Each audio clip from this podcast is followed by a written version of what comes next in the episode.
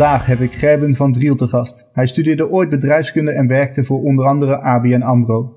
Daarna besloot hij zijn droom na te jagen en werd hij televisiepresentator bij onder andere RTL Z en Poont. Na tien jaar in het televisievak stelde hij zichzelf de vraag of dit alles was of niet. De behoefte om in het veld te staan in plaats van aan de zijlijn als verslaggever zorgde ervoor dat hij dat wederom het roer omging. De lessen die hij in de tv-wereld heeft geleerd, brengt hij weer terug naar het bedrijfsleven als presentatiecoach vanuit zijn bedrijf Speak to Succeed. Storytelling is daarbij een van de kernaspecten van zijn methode. Gerbe, welkom bij de podcast. En waar kunnen mensen jou onder andere van kennen? Ja, dankjewel allereerst, eh, Paul. Ja, waar kunnen ze me van kennen? Ja, je zei het al, van Poont. Daar heb ik tussen 2013 en begin 2015 was ik uh, presentator van het Po-nieuws uh, samen met Dominique Wezi en ook verslaggever in het veld. En uh, ja, ik heb daarna dus nog bij RTL Z gewerkt. In totaal drie jaar, waarvan nou ja, ruim twee jaar voor de schermen. Alleen dat is dan wat meer voor de fijnproever. RTL Z heeft wat bescheidenere kijkcijfers. Dus uh, ik was dagelijks te zien op landelijke televisie. Of dat mensen dat ook gezien hebben, dat is dan natuurlijk vers 2. Maar ja, daar zou je me van kunnen kennen. Oké, en ik kan me voorstellen dat je niet zomaar bij die landelijke televisie terechtkomt. Nee. Hoe ben je daar beland? Ja, dat is een hele goeie. Uh, als, als mensen me nu zouden vragen, joh, hoe kom ik bij tv?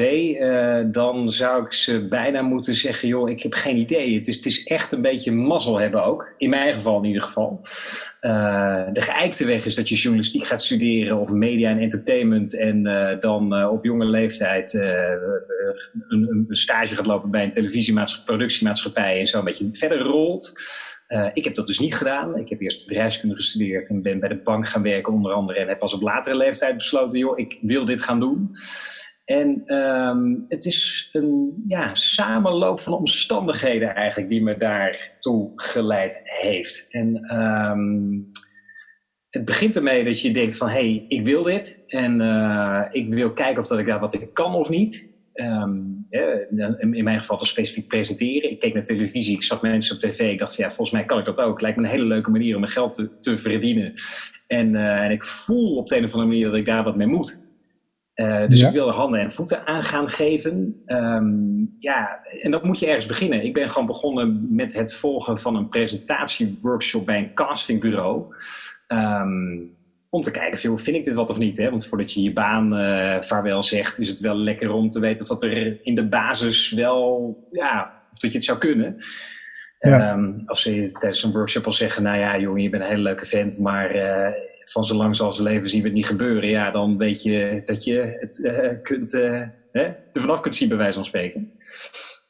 Maar uh, kijk, en ze zullen ook nooit zeggen: uh, joh, je bent geweldig, je moet hier, je bent het grootste talent wat we ooit gezien hebben. Zullen ze ook nooit zeggen.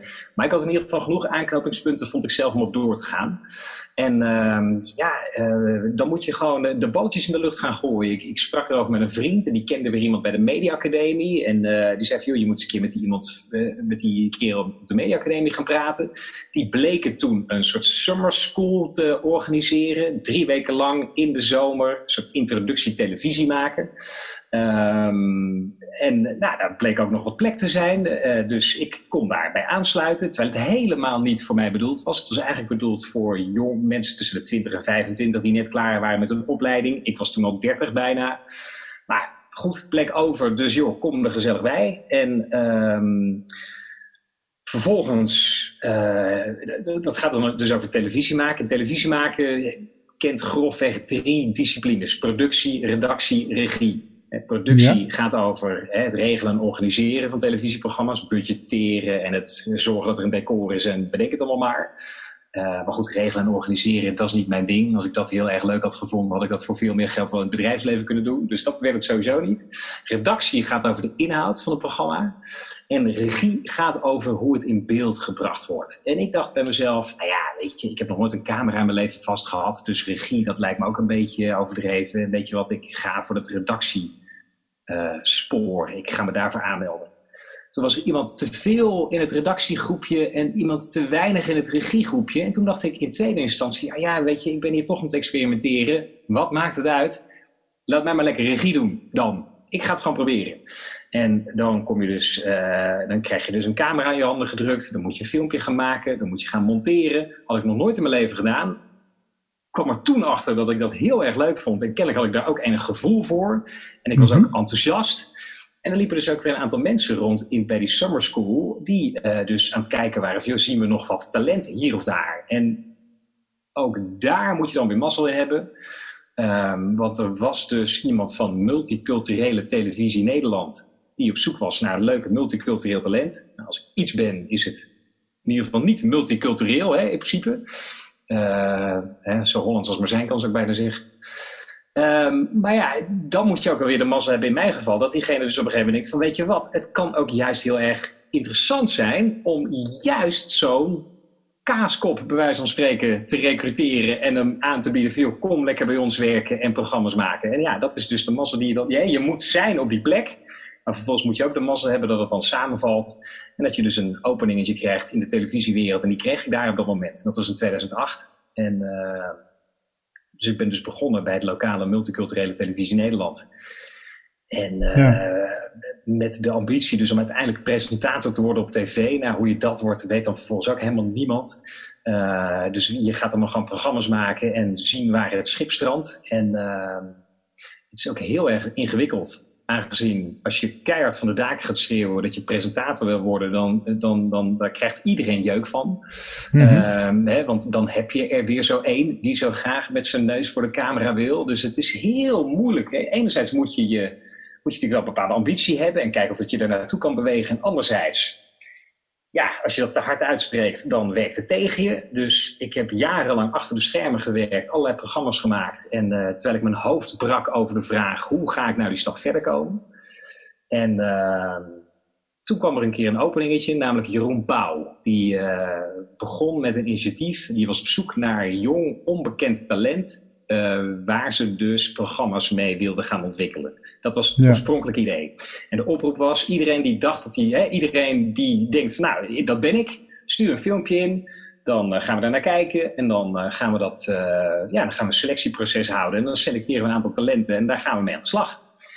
Dus ik heb een filmpje insturen van mijzelf. Ehm, en nog 375 andere mensen, geloof ik, deden dat ook. En ik kwam uiteindelijk in de selectie terecht of sorry, ik, ik, werd uitgenodigd voor een selectiedag. En uh, uiteindelijk kwam ik er doorheen. Mm -hmm. Toen dacht ik bij mezelf, nou, briljant. Ik zit bij Jeroen Paus, The Talent Kitchen.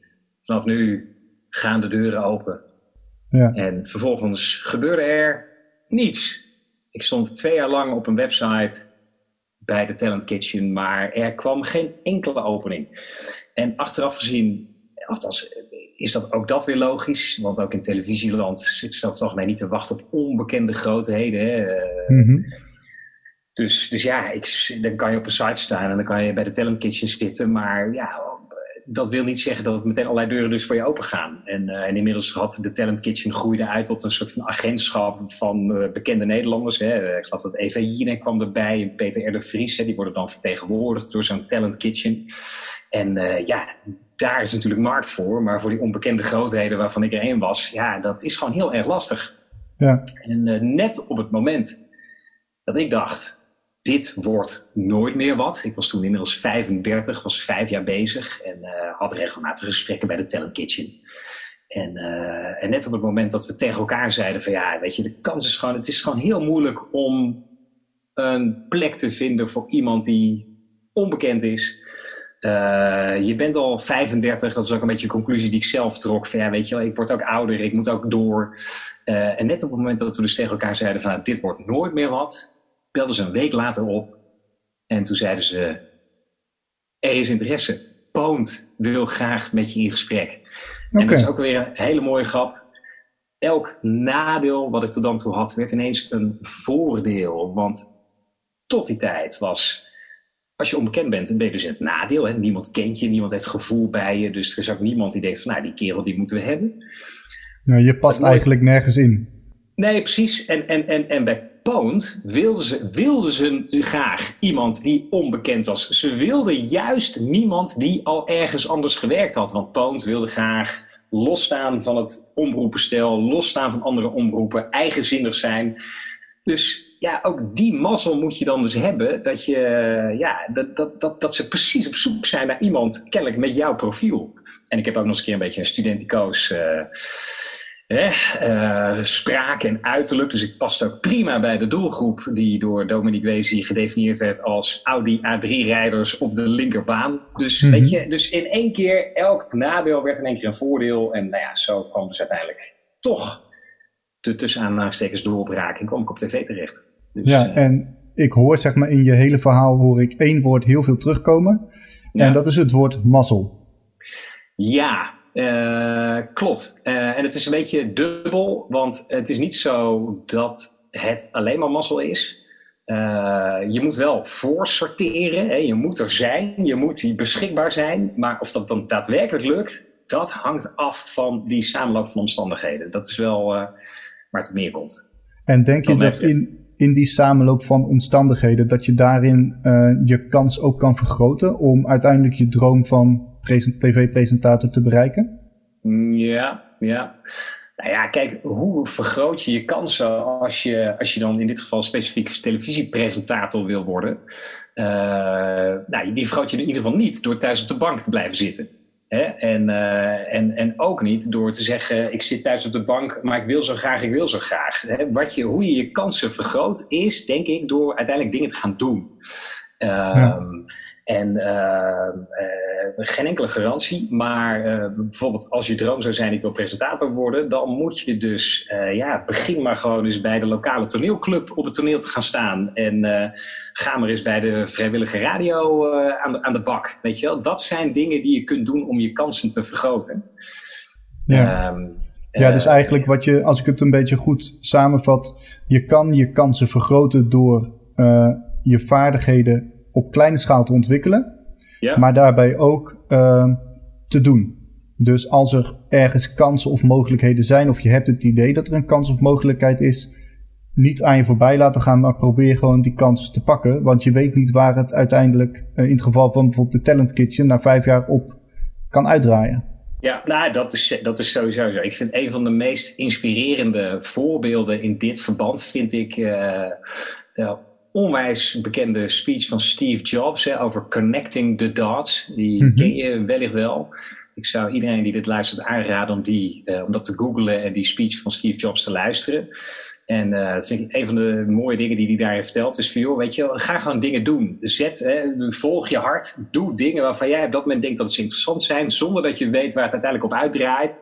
Want je zult zien dat het uiteindelijk allemaal bij elkaar komt. Maar het kan niet bij elkaar komen als je niet eerst die actie onderneemt.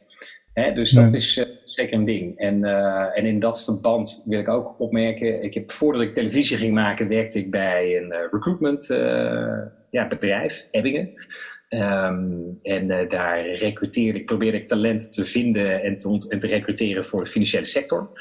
En um, om het heel duidelijk te maken, kijk, als je twee kandidaten hebt voor één positie bij zo'n bank of een, of een investeringsmaatschappij ging het dan om. En de ene die heeft Keltische taal en cultuur gestudeerd om na studie ineens te concluderen, hey, ik wil bij een bank werken. Mm dat is de ene kandidaat. En de andere kandidaat is iemand die economie gestudeerd heeft, 20 penningmeesterschappen gedaan heeft, um, op de beurs belegd en uh, continu het Financiële Dagblad leest. Nou, welke van de twee kies je? Ja, 9 van de 10 gaan natuurlijk voor die kerel die dan dus al, al die jaren penningmeesterschappen, weet je wel, met de materie bezig is. Ook al zou die andere het misschien op papier net zo goed kunnen, in de praktijk kijken mensen toch naar van wat, wat heb je gedaan en wat, uh, ja, uh, ja, en daar maken ze een keuze op. Het is ook een beetje put your money where your mouth is. Als ja. jij ambities hebt om presentator te worden, dan moet je ook gewoon, dan moet je er niet alleen maar over praten, maar dan moet je laten zien dat je dingen daarin gedaan hebt. En, uh, en dat, je, dat je ermee bezig bent. Dat maakt je ook geloofwaardiger als je die ambitie uit van presentator worden. Want mensen die op de bank zitten en presentator willen worden. Ja, hoe geloofwaardig is dat? Hoe, hoe real ben je dan? Als ja, je niks ik... doet en er alleen maar over praat. Ja, ik denk dat je dan alleen Candlelight kan presenteren van uh, Jan Veen op de radio. Ja, maar al, ja. anders inderdaad, uh, inderdaad niet. Ja. Um, als ik dan, uh, nou, je hebt je droom bereikt van televisiepresentator worden. Ja. Uh, maar je bent nu geen televisiepresentator meer. Nee. Hoe is dat proces gegaan? Hoe, hoe kwam je uiteindelijk tot uh, de conclusie dat dit toch niet uiteindelijk datgene is waar jij verder mee wil? Ja, dat heeft mij heel veel tijd gekost en ook heel veel, uh, ja, ik zou bijna zeggen, ik ben ervoor behandeld. Hè? Ik, ik, weet niet uh, of dat wel iets van Van Cote en de Bie is, die uitspraak, maar in ieder geval, dat, daar komt het wel op neer. Ehm, kijk, ik wilde, ehm, ik ga proberen even terug te gaan naar de tijd, hardop nadenken, waar zitten we ook alweer? Oh ja, ik, ik, het was 2013, 2014, 2015 zat ik dus bij Poont. Um, uiteindelijk had ik, had ik behoefte om uh, wat inhoudelijkere dingen te doen. Dus uh, toen, en RTL Z begon de zender, toen dacht ik, nou, daar wil ik bij zijn. Nou, dat lukte me dan uiteindelijk om daarbij te komen. En, uh, Hoe is dat gelukt om daarbij te komen? Nou, met, met hangen en wurgen ging dat. Um, ik zat dus bij Poont, was daar weg, uh, wist dat er bij RTL Z uh, dingen gaande waren. Uh, dus via Talent Kitchen, onder andere, kwam ik daar, werd ik daar geïntroduceerd, raakte in gesprek. Gesprekken gingen hartstikke leuk. En ik dacht bij mezelf, ik ben de droomkandidaat. Want ik heb bedrijfskunde gestudeerd, in het bedrijfsleven gewerkt. Daarna ben ik televisie gaan maken. Ik heb presentatieervaring. Alles komt bij elkaar bij RTL Z. Dit dit, is, dit kan niet missen gewoon. Nou, vervolgens solliciteerde ik en uh, er waren twee smaken grofweg. Je kon uh, voor een redactiefunctie solliciteren of voor een verslaggeversfunctie. Ik ging natuurlijk voor verslaggeving, hè, in beeld, microfoon, et cetera. Dat was ook helemaal wat bij mijn ervaring lag. En uh, nou ja, eerste gesprek gehad, helemaal prima. En vervolgens hoorde ik niks, hoorde ik niks, hoorde ik niks. En op uh, vrijdagmiddag vijf uur kreeg ik een mailtje. Ja, we gaan toch niet met je door, want heel veel ervaren sollicitanten. En ik dacht, uh, ja, ik zal niet herhalen wat ik toen dacht. Maar ik dacht wel van, nou ja. Wat vervelend. Verve ja, precies. Ik, laat me het daarop houden. En uh, omdat er ook gewoon heel weinig opties zijn. Hè. Er is maar één RTL Z. En ik had echt verder geen enkele optie. En ik had ook geen baan.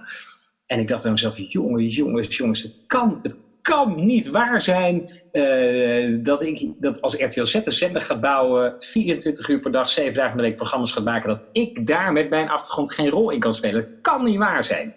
En uh, toen heb ik dus maandagochtend gewoon gebeld, letterlijk met deze tekst van jongens, wat is dit? Het kan niet waar zijn dat ik hier geen rol in kan spelen. Nou, dat vonden ze dan weer zo charmant dat ik alsnog mocht komen om met de hoofdredacteur kennis te maken. Hoofdredacteur RTL Nieuws, Harm Tazelaar. Eerst wat hij tegen me zei toen ik binnenkwam is, uh, je hebt bij Poont gezeten. Ik zei, ja, ja, vind ik helemaal niks. Oké, okay, goed. Nou ja, is wel meteen duidelijk. Meteen duidelijk. En daar zal ook de kneep in gezeten hebben. Dat heb ik ook achteraf wel eens begrepen. Niet zozeer Poont, maar wel, hey, ik vertelde hoe we bij Poont, als je dan dus op reportage ging, dan was het gewoon veel, daar gebeurt wat, uh, ga er maar kijken en zie ter plekke maar wat voor item je ervan maakt. Uh, vind ik het teken van kracht. Hè? Dat betekent dat je kan improviseren en dat je kan inspelen op dingen, et cetera. Maar ja, bij RTL zijn ze gewoon gewend om heel gestructureerd te werken. Dus ja, ik disqualificeerde me eigenlijk mezelf zonder het te weten, terwijl ik dat soort dingen vertelde. Maar goed, achteraf gezien uiteindelijk vanwege die drive zeiden ze, nou kom toch maar langs en uh, je mag toch beginnen. In eerste instantie werd ik een jaar lang achter een bureau gezet als redacteur. Nou dat vond ik een lastig jaar. Dat is helemaal niet waar mijn kracht ligt. Gelukkig was er uiteindelijk dan weer iemand binnen RTL Z die zei van, joh, die jongen die moeten gewoon op het scherm zetten. En uh, toen werd ik sidekick, een soort Luc Ikink, alleen dan op RTL Z. Uh, bij een programma dat heette Ed Z, gepresenteerd door Paul van Liemt. Dat heeft nog twee maanden gelopen en vervolgens werd er gereorganiseerd, want het ging niet goed genoeg met RTL Z. Dus uh, eigen programma's werden gestaakt uh, en ik vloog eruit. En uh, toen was het januari 2017, toen stond ik dus op straat. En ik had dus bij Poont gezeten, ik had bij RTL Z gepresenteerd, zei het een paar maandjes maar. En, en toen dacht ik, ja, wat nu? En ik was 2017, moet ik ervan nadenken, inmiddels 9, 38.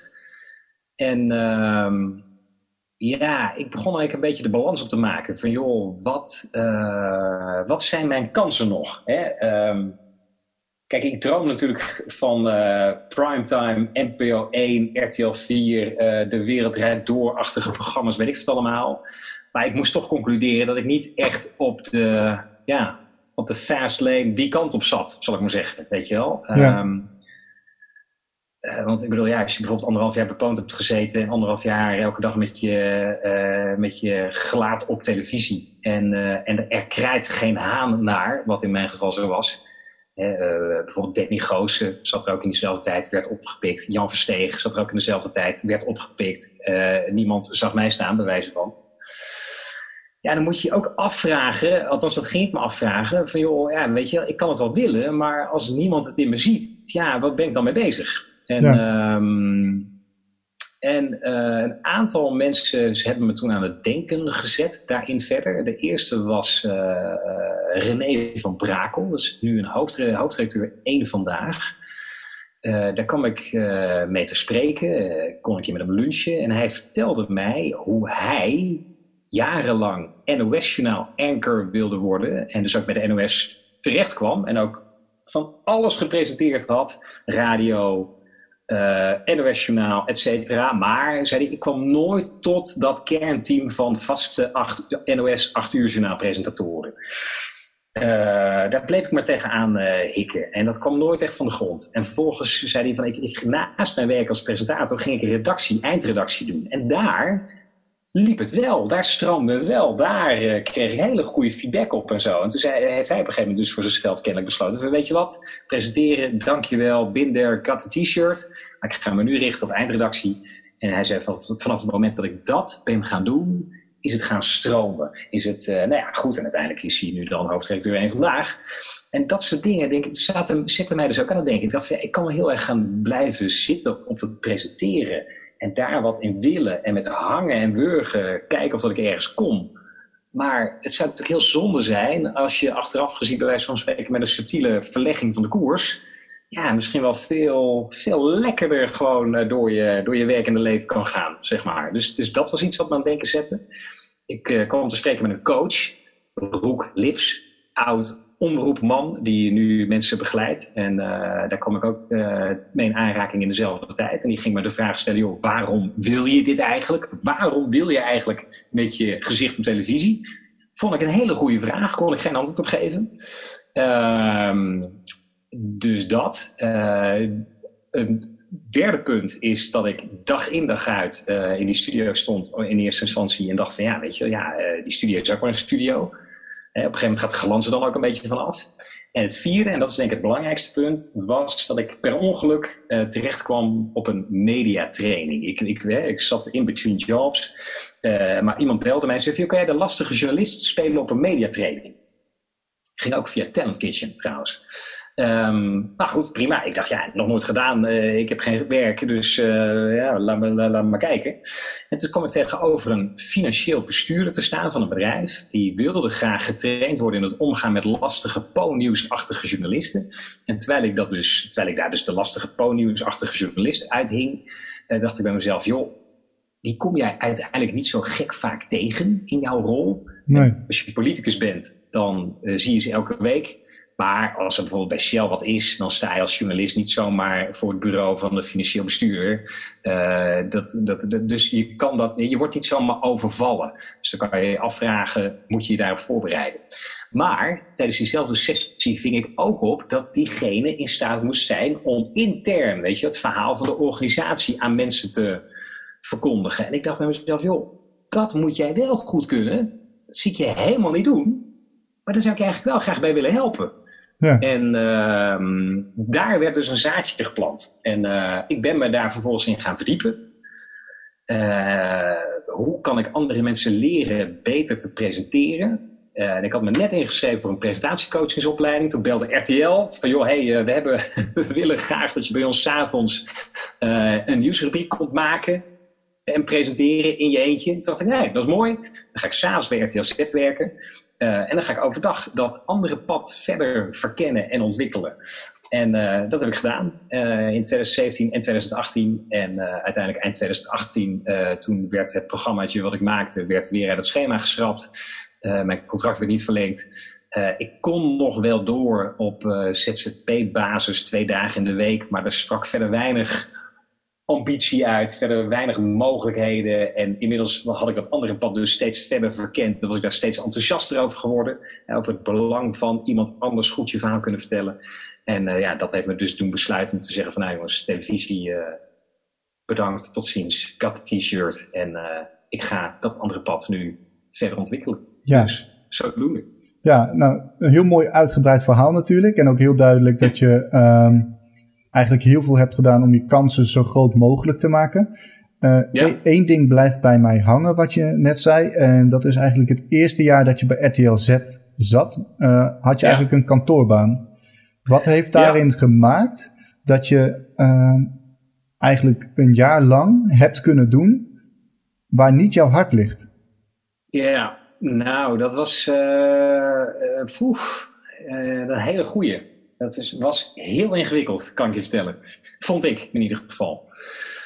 Uh, volgens mij zijn er legio mensen die dagelijks jaar in jaar uit dingen doen waar hun hart niet ligt. Maar ik word daar heel snel heel ongelukkig van. En uh, ja, wat maakt dan dat je daar toch in kan volharden? Dat is een hele goede vraag. Daar moet ik echt even over nadenken.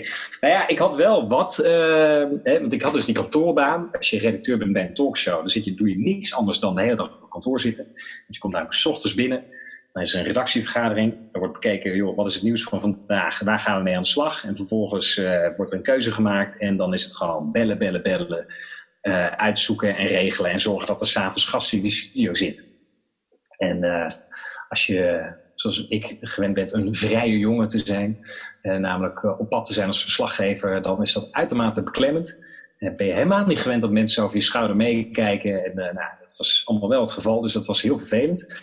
Maar ze hadden me gelukkig ook wel één dag in de week vrijgespeeld om voor een ander programma reportages te maken. Dus dat was nog een soort van lifeline.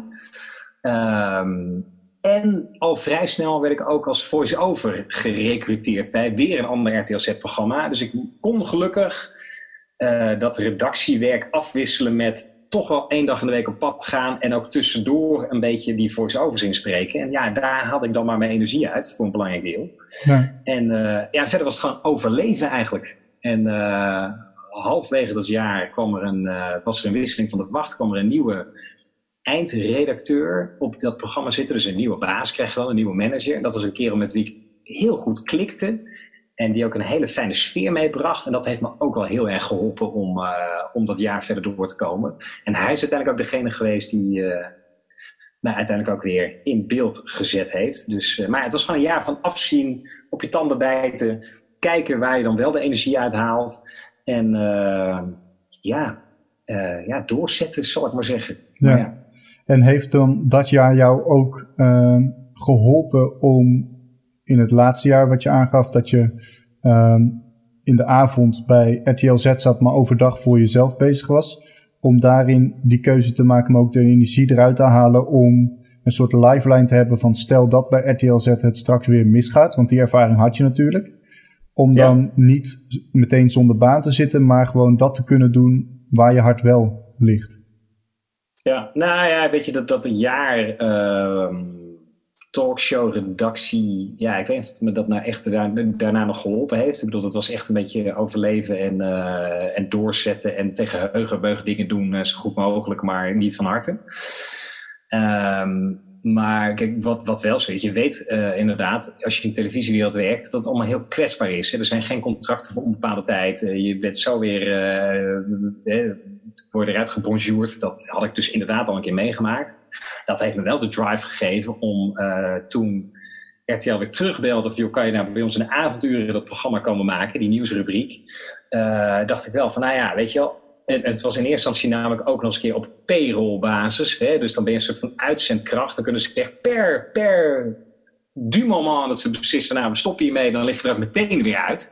Ja. Dus ik dacht wel van, ja, zolang RTL, uh, zolang ik daar zit, uh, prima. Maar dan moet ik overdag inderdaad zoveel mogelijk meters maken op dat andere vlak. Hè, uitzoeken hoe dat zit en, en mezelf ontwikkelen. Zodat inderdaad, als RTL weer wegvalt, ja, dat ik dan uh, iets in mijn handen heb waar ik mee verder kan. Want als je ontslagen wordt je hebt geen plan B en je moet dat ook nog eens een keer helemaal gaan ontwikkelen, ja, dat is niet heel, dat is niet heel prettig. Ja, en nu ben je eigenlijk met dat plan B bezig. Hoe ziet dan een dag in jouw leven er nu uit? Ja, dat is ongelooflijk wisselend. Ehm, mijn, uh, ja, goh, waar zal ik eens beginnen? Ehm, wat ik ben gaan doen dus, is uh, de presentatietraining. Daar ben ik me in eerste instantie op gaan richten. Uh, vervolgens kom je er ook al heel snel achter dat, dat, dat er dus, je kan, ja, ik heb in Rotterdam gestudeerd. Je kan de maas dempen met presentatiecoaches. Er zijn er onwijs veel van. Dus het is ook weer zaak om te kijken van... hé, hey, waar onderscheid ik me dan in en hoe kan ik dat dan over het voetlicht brengen? Um, dus deels ben ik dus bezig geweest met dat soort dingen te bedenken. En voor deel ook natuurlijk gewoon gesprekken voeren met mensen. Weet je wel, uh, telefoon pakken, mensen bellen, koffie drinken, uh, sparren. ja, je moet gewoon in kaart brengen hoe de hazen lopen en weten waar Abraham de mosterd haalt, om het maar zo te zeggen. En om daar vervolgens op te kunnen inspelen, om daar vervolgens weer een, een, een, ja, een bedrijf uit te kunnen opbouwen. En nu is het zo dat ik sinds ja, een maand ongeveer ben samengegaan met Expertise. Dat is weer een bedrijf, een ander bedrijf wat al wat langer bestaat, waar ik al een jaar mee samenwerkte. Wat ontzettend goed liep. En we hebben nu de hand ineen geslagen. Dus uh, dat is ontzettend fijn. Dat betekent dat je er niet meer alleen voor staat. Dat je elkaar kunt scherp houden. En dat je ook uh, ja, met elkaar zeg maar, business kunt ontwikkelen, om het zo maar te zeggen. Ja. Dat zijn we nu ook ongelooflijk uh, hard aan het doen. Dus, ja, dus hoe ziet mijn dagen er nu uit? Het is van deel overleggen, bedenken van hé, hey, waar kunnen we business ontwikkelen, gesprekken voeren met potentiële klanten, proposities uitwerken. En, en daarnaast zoveel mogelijk proberen training te geven, ja. ook online bijvoorbeeld. En in jouw hele verhaal, wat is uh, voor jou het meest belangrijke geweest in het najagen van jouw dromen? Want ik heb je een aantal dingen horen zeggen. We hadden het net al even over uh, het stukje mazzel. Om uh, ja. op het moment dat de kans zich voordoet ook de ideale kandidaat te zijn. We hebben het gehad over een stukje jezelf blijven pushen van die bank afkomen en jezelf ontwikkelen. Je hebt ook heel ja. duidelijk benoemd dat heel veel verschillende mensen jou geholpen hebben in de hele periode. Als je er één ding uit zou kunnen halen, is dat dan een van die drie dingen die we net noemden? Of is er nog iets anders wat jou uh, ja, het meest heeft geholpen in het bereiken van jouw dromen? Ja, nou, ik denk wel, dat is de, al die dingen die je noemde zijn helemaal, die kloppen helemaal. Nou, ik denk misschien is het wel interessant om dan te focussen op de grootste uitdagingen. Want wat weerhoudt je ervan om je dromen na te jagen? Goeie vraag. Uh, ja, en dat is denk ik waar uh, dat de grootste uitdaging geweest is, zeg maar, om het ook daadwerkelijk te gaan doen. Um, ik, uh, mensen die, uh, ja, vaak genoeg ben ik op mijn borst, of nee, niet op mijn borst geklopt, maar op mijn schouders geklopt van jongen, wat fantastisch toch dat je dat allemaal gedaan hebt en dat je er gewoon voor bent gegaan.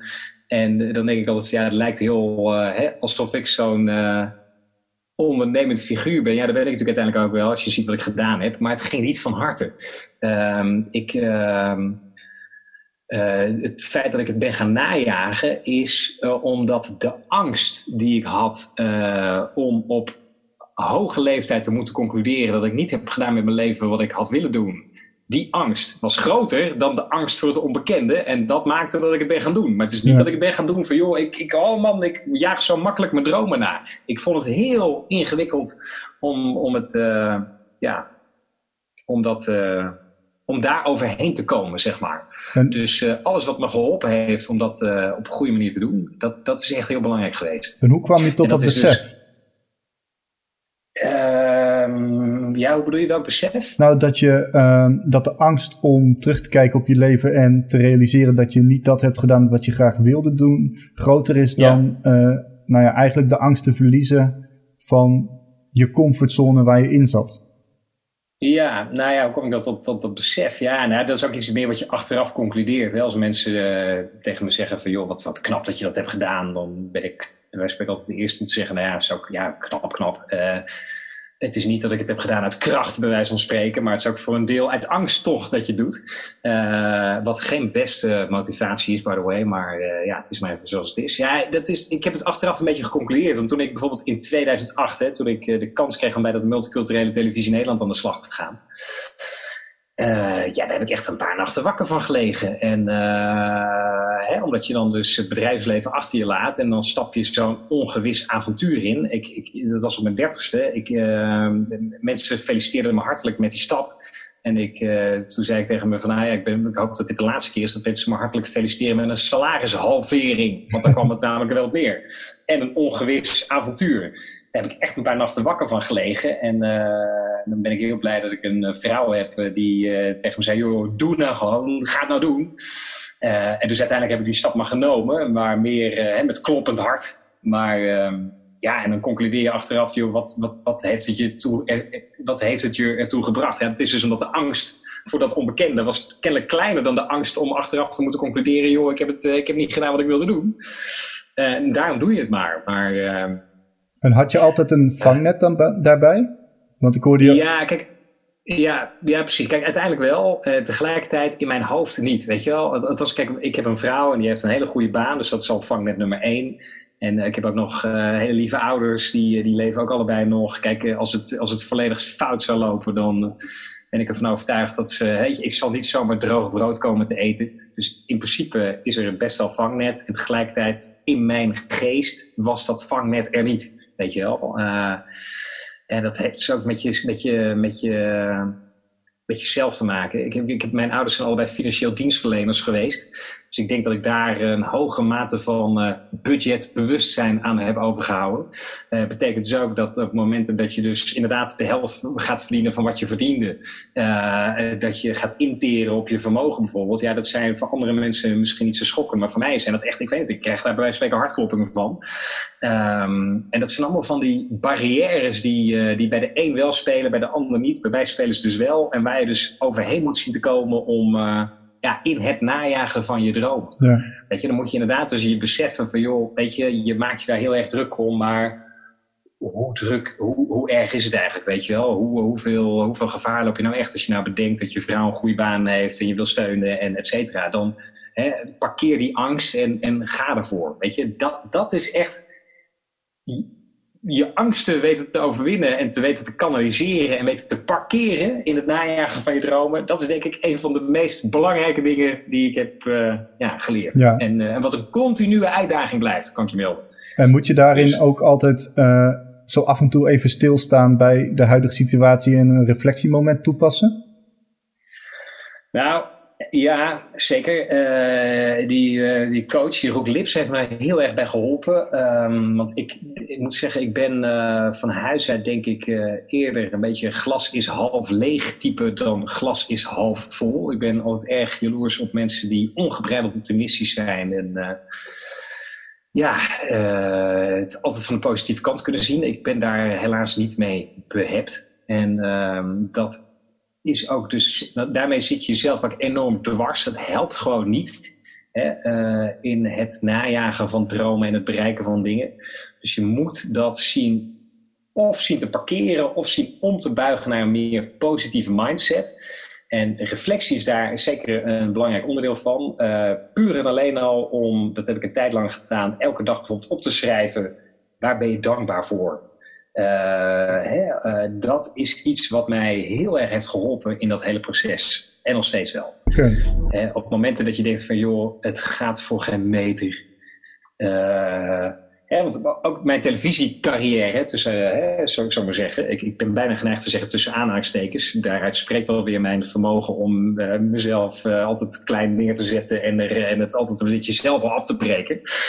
Um, enerzijds kun je daarvan zeggen, en dat kan ik op slechte dagen, heb ik dat vaak genoeg gedaan van ja, het stelt allemaal niks voor en niemand heeft nooit ontdekt en ik ben nooit doorgerold. En uh, nou ja, ik zie dan mensen met wie ik gewerkt heb die uh, inmiddels uh, de slimste mensen winnen en weet ik wat allemaal. En denk ik, joh, en ik zit hier, weet je wel. Je kan er zo tegenaan kijken, negatief. Je kan ook positief tegen de dingen aankijken en zeggen, joh, ik heb iets gewild wat heel veel mensen willen, wat weinig gelukt mij wel vanuit kansloze positie eigenlijk. Hè. Ik ben op mijn dertigste pas tv gaan maken. En ik heb het uiteindelijk drie jaar gedaan. Ik ben there, done it, got the t-shirt. Ik bedoel, dat is gewoon een prestatie. Ja. Dus dan mag je ook gewoon trots op zijn. Weet je, dus dat, ik, ik, ik neig altijd heel erg naar variant 1 van nature. Maar ik heb geleerd inmiddels om het meer door variant, de variant 2 bril te bekijken. En ik denk dat dat echt een hele belangrijke vaardigheid is voor iedereen die dromen wil realiseren en nou ja, onbekende paden wil bewandelen. Nou, dat is een uh, heel mooi advies. Echt enorm helpen. Een heel mooi advies. Ja. Stel dat wij elkaar over tien jaar weer spreken. Ja. Waar sta je dan? Ja, goede vraag. Uh, ben ik altijd heel slecht in geweest om dat soort, uh, om, om, om, hier goed antwoord op te geven. Um, je zit ook met je handen in het haar? Ja, ik zit echt, uh, ja, ik, precies. Ik zit letterlijk met mijn handen in mijn haar. Uh, mijn hersenen kraken. Uh, ja, het, het, antwoord dat ik geneigd ben te geven is, ja, geen enkel idee. We gaan het meemaken. Um, maar laat ik dan de lijn doortrekken zoals die nu ligt. Uh, laat ik zeggen dat ik, ik hoop over tien jaar nou, met Expertized, waar ik dus net uh, mee samengegaan ben, dat we een heel solide bedrijf hebben opgebouwd. En dat ik uh, eigenlijk drie dingen doe in, in, in, in, in, in, in essentie. Uh, enerzijds is gewoon puur het, het commerciële, de, de, de proposities ontwikkelen, klanten blij maken. Het tweede is dat ik dus gewoon op regelmatige basis voor groepen sta en mensen weten te inspireren, te enthousiasmeren en ze wat bij kan brengen. Dat is een hele belangrijke tweede pijler. En ten derde hoop ik een soort van expert-status te hebben opgebouwd en ook als zodanig te worden geconsulteerd op het gebied van uh, presenteren, contact maken en uh, nou ja, inspireren. Dat zijn eigenlijk de drie dingen die ik graag zou willen. En ik hoop dat ik over tien jaar uh, kan zeggen van joh Paul, ik heb een, uh, een regelmatige, fijne inkomstenstroom. Ik kan mijn ei volledig in die drie dingen kwijt. En uh, ik heb schapen droge. Althans, hè, niet, niet filthy rich, maar wel uh, dat ik me geen zorgen hoef te maken over... het beleggen, het op de boterham? Bij wijze van spreken, weet je Dat zou... Ik, ja, daar, daar ga ik voor. Dat zou... Oké, okay, nou dat is, dat is een hartstikke mooie stip op de horizon. En ja stel hè, dat jij nu uh, de Gerben van groep 5 weer zou spreken. Welke tip zou je die meegeven? Ja, Gerben van groep 5. Ga ik even heel hard graven. Hoe oud ben je ook alweer in groep 5? Ik heb zelf twee kinderen trouwens. Ik moet weten, toen was ik zeven, zou ik wel geweest moeten zijn. Ja, negen denk ik. Uh, nee, zeven, negen, ja. Oeh, welke tip zou ik hem dan geven? Oei, oei, oei. Um, ja, toen ik negen was, toen was ik, eh, zat ik, was ik maar met één ding bezig. Uh, en dat was straaljagerpiloot worden. Daar heb ik tien jaar van mijn leven aan besteed. Om vervolgens op de eerste dag van de keuring al afgekeurd te worden. Maar dat is weer een ander verhaal. Welke tip zou ik geven? Um, ja, nou, ik denk toch echt wel minder denken, meer doen. Dat zou denk ik de als je du moment dat je het gevoel hebt dat, je, dat er interesse is in iets, dat je denkt van hé, hey, dat lijkt me leuk, dat lijkt me interessant, ga, je, begin ermee, ga het najagen, ga het doen. Oké. En niet, uh, want dat heb ik namelijk, daar heb ik heel veel tijd mee verspeeld, vind ik zelf. Niet daar maar over filosoferen. Hè. Toen ik studeerde namelijk, toen ontstond een beetje dat idee van hey, presenteren vind ik leuk, wil ik wat mee. Uh, ik, het, het heeft heel lang geduurd voordat ik de eerste stap daadwerkelijk zette. Uh, voordat ik bij de lokale Rotterdamse toneelschool uh, een cursusje ging doen, bijvoorbeeld. Weet je, zo'n klein stapje is al genoeg. Maar het, dat heeft me heel lang gekost. Ik heb er heel lang over gefilosofeerd met mensen en uh, wel doen, niet doen. Maar ga het gewoon doen. Ga zet stappen. Dat is wat ik. de kleine Gerben zou meegeven. Ik, de kleine Gerben zou meegeven, okay. ja. Nou, helemaal goed. Nou, voordat we met de laatste vraag gaan beginnen. Waar kunnen mensen ja. jou online vinden? Mochten ze in contact willen komen? Ja, nou ja, dat het makkelijkste is www.gerbenvandriel.nl eigenlijk. Dat is uh, verder, ja, kijk, als je mij googelt, dan kom je op mijn LinkedIn en dan kom je op mijn, uh, op die site bijvoorbeeld. En ik heb, ja, mijn ouders, mijn speaktosucceed.nl is ook nog in de lucht. Dus, uh, maar gerbenvandriel.nl, dat lijkt me het makkelijkste. Oké. helemaal goed. Contactmoment. Ik zal het in de show notes zetten. Um, allereerst, hartstikke bedankt voor je tijd. En mijn laatste vraag wat is jouw eindboodschap aan mijn luisteraars? Wat zou je ze willen meegeven? Oeh, ja, eindboodschap. het gaat over dromen najagen. Nou ja, dat is eigenlijk een beetje wat ik ook tegen de kleine mezelf zou willen zeggen. Ehm, het is goed dat je erover nadenkt. Het is goed dat je erover filosofeert. Maar in godesnaam, ga stappen zetten. Als je wat wil, probeer er handen en voeten aan te geven. En dat kunnen hele kleine dingen zijn. Ehm, eh, al is het maar een cursusje bij het lokale buurtcentrum als eerste stap. Maar kom in beweging, ga doen. En ga het ook roepen tegen mensen. En uh, ja, dan. Uh, want als je dat niet doet, dan weet je één ding zeker: gaat het nooit van de grond komen. Oké, helemaal goed. Dankjewel.